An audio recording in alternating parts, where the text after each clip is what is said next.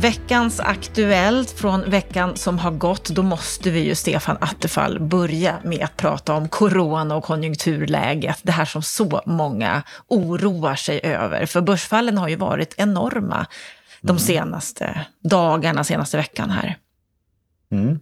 Ja, alltså vi har ju fått en diskussion om vad som händer nu med ekonomin, både i Sverige men också i hela världen. Magdalena Andersson var ute här under onsdagen och pekade på att hela världsekonomin kanske går ner med 0,5 procentenheter. Det är ganska mycket. Och i Sverige kanske 0,3 procentenheter. Robert Boye som är chefsekonom på SBAB, han hade prognoserat eh, den mest pessimistiska prognosen för 2019 och 20 och han ser ut att få kanske mest rätt av allt. Han pekar sig mycket på att bostadsmarknaden gick ner och det bidrog där var han kanske lite mer pessimistisk än verkligheten, men som sagt var, sen har det tillkommit de här aspekterna som har att göra med, med coronasmittan. Så att det, det är helt klart att konjunkturerna går neråt nu och vi såg ju också hur eh, Fed, alltså amerikanska centralbanken, sänkte räntan med en halv procentenhet vilket ju fick till följd att eh, amerikanska börsen tyckte att det, det, det var en bekräftelse på att problemen är större än vad de är. Så att börsen gick ner i USA. Men eh, det ändå tolkat som att det ändå är en stimulans till ekonomin. Mm. Och tittar vi de senaste dagarna här så har flera svenska fastighetsrelaterade aktier fallit med mellan 15 och 20 procent. Vilket man kan tycka är lite anmärkningsvärt, för det här är ju ändå fastigheter som har hyresgäster som har skrivit på kontrakt för flera år. Alltså, vad beror den här, mm. det här fallet på? Eh, dels är det en allmän nedgång som drar med allting, men sen är väl det också det faktum att de branscher, de aktier som har gått upp kanske kraftigast under senare tid, där tar man hem vinsterna också i större utsträckning och fastighetsaktier har varit en, en, ska säga, en ganska eh, bra medvind för dem under hösten 2019 här och början på 20, framförallt början på 2020. Och, och då faller de med därför att det, det, det, det, det är så lätt fånget, lätt förgånget, så, så blir det. Va? Så, men jag tror att vi ska också ha klar med oss alla de här konjunktursiffrorna, alla de här börskurserna. Blir det här en smitta som ändå hanteras relativt rimligt, i relativt vettig tid, då kommer det att vara en hack i kurvan. För fundamenta har ju ändå inte ändrats. Eh, res, vi ställer in en resa, men vi reser ju sen lika mycket igen efteråt. Vi, vi köper kanske, vi skjuter upp en viss konsumtion och sådana saker. Ja, bland annat så har vi skjutit upp Mippim, som ju många ja. i branschen åker på från nu i mars till juni. Så Precis. det finns ju en oro här som vi inte har sett ja. riktigt förut. Nej. Och det, det, det är liksom det, hur långvarigt blir det och hur, hur allvarliga effekter får det på en realekonomi. Men så länge det blir en kortvarigare mer tillfälligt, då får det mycket begränsad effekt. Då blir det som ett hack i kurvan så fortsätter det. Så det, det, är lite grann beroende på vad som händer de närmaste veckorna.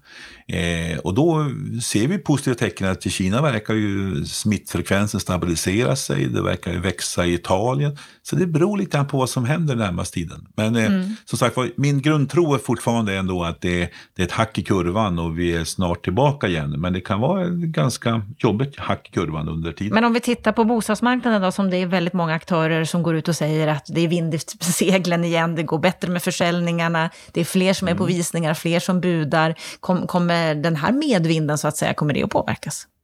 Ja, jag tror att det kan få eh, lite stoppboll.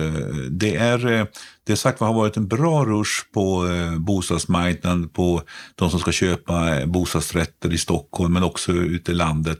Här under börjat, året har börjat bra helt enkelt. Men eh, det är klart att om jag ser att de här aktietillgångarna jag räknade med eh, har fallit i värde och jag börjar känna oro för hur jobben är och hur konjunkturen är, då vågar jag inte bjuda på liksom, som jag har gjort tidigare. Så jag tror att det kan få en återhållande effekt. Eh, men eh, i grund och botten så beror det här på att utbudet också har minskat. Vi har dragit igång färre byggen. Och om folk har pengar i plånboken, om räntorna fortfarande är låga och det blir ett mindre utbud så klart att då, då, då trycker det upp priserna. Det är en utbud och efterfrågan situation helt enkelt. Så vi får se om det fortsätter, om det bara är ett litet hack i kurvan även när det gäller bostadspriser och bostadsförsäljningen. Eh, något annat som, där, där det finns en aktör som tycker att mm, det går lite, det är lite långsamt, inte bara ett hack i kurvan, det är mer än så. Det är ju att det har varit en debatt efter byggsamtalen här om att bygga mer småhus, där TMF, mm. Trä och möbelföretagen, har varit ute. Ja, precis. Nej, men det är David Jonsson som är vd på på TMF, Trämöbelföretagen, har liksom lyft fram detta att vi bygger faktiskt mycket mindre småhus i Sverige än jämförbara länder som andel av totala bostadsproduktionen.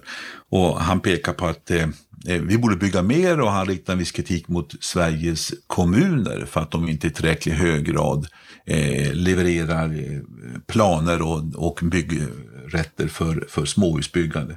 Och han får ju då svar på tal av Gunilla Glasare som är ansvarig för de här frågorna på Sveriges kommuner och regioner.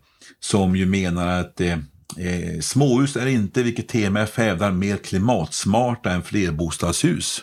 Säger hon eh, kraftfullt. Hon har faktiskt forskningen emot sig på den punkten. Så hon säger fel menar du? Ja, ja, det har kommit nya studier. Dels så visar sig ju att byggmaterialet är allt viktigare för ett hus. Och då vet vi att småhus byggs till 80-90% i trä medan flerbostadshus byggs i 80-90% i, i betong. Och betong är mer klimatpåverkande än trä. Men det andra är också att nya studier visar också att eh, hur man lever och bor i de här miljöerna så, så, så är man faktiskt eh, ur klimatsynpunkt mindre belastad många gånger än den täta betongstaden. Så att det, det finns en hel del forskning som talar faktiskt mot hennes påstående. Eh, det finns också en tro om att eh, bor, jag bor vi tätt så skulle tillväxten öka. Och det är en myt också, för det är så att arbetsplatsen ligger tätt där ökar tillväxten. Det vill säga vi jobbar nära varandra, nätverkar, samarbetar över gränser då främjar tillväxten. Men du kan bo en bit bort. Du kan pendla, du kan bo i småhus, du kan bo i flerbostadshus. Men det är alltså arbetsplatsens lokalisering som är tillväxtfrämjande, inte boendet. Vilket en del har trott som har hävdat de här sakerna. Men så det, man kan säga är att TMF har rätt i det här, det borde byggas ja, småhus? Det är faktum att det är faktiskt småhusbyggandet som inte har kommit upp ur finanskrisen ännu. De har, fick, har inte fått det lyftet som flerbostadshusbyggandet har fått efter 2008-2029 års finanskris. Det har aldrig kommit småhusindustrin till, till del. Så att där har vi en outnyttjad potential. Och det är klart att det styrs ju mycket av hur kommunerna planerar. Där har ju TMF en poäng. Eh, och samtidigt visar, väl också, ja, samtidigt visar väl undersökningar också att, att vi svenskar vi vill bo i ja, boende och gärna i småhus, inte bara i bostadsrätter. Ja. Alla undersökningar visar att det finns en stark sån önskan. Förr eller senare vill vi bo i ett hus med markkontakt och vi vill ha en täppa och liknande saker. Men kommunala planeringen går inte i den riktningen. Och där har TMF en poäng, så där, på den punkten så, så ger de eh, en, en, en poäng. Sen är, är det ju många andra faktorer också som påverkar de här sakerna. Kreditrestriktionen kan vara en komponent och många andra saker också. Mm. Då får vi uppmana Sveriges kommuner att se till att det byggs fler småhus helt enkelt och underlätta för det framåt. Ja, och framförallt läsa på forskningen, den aktuella forskningen. Stort tack för veckans Aktuellt, Stefan Attefall.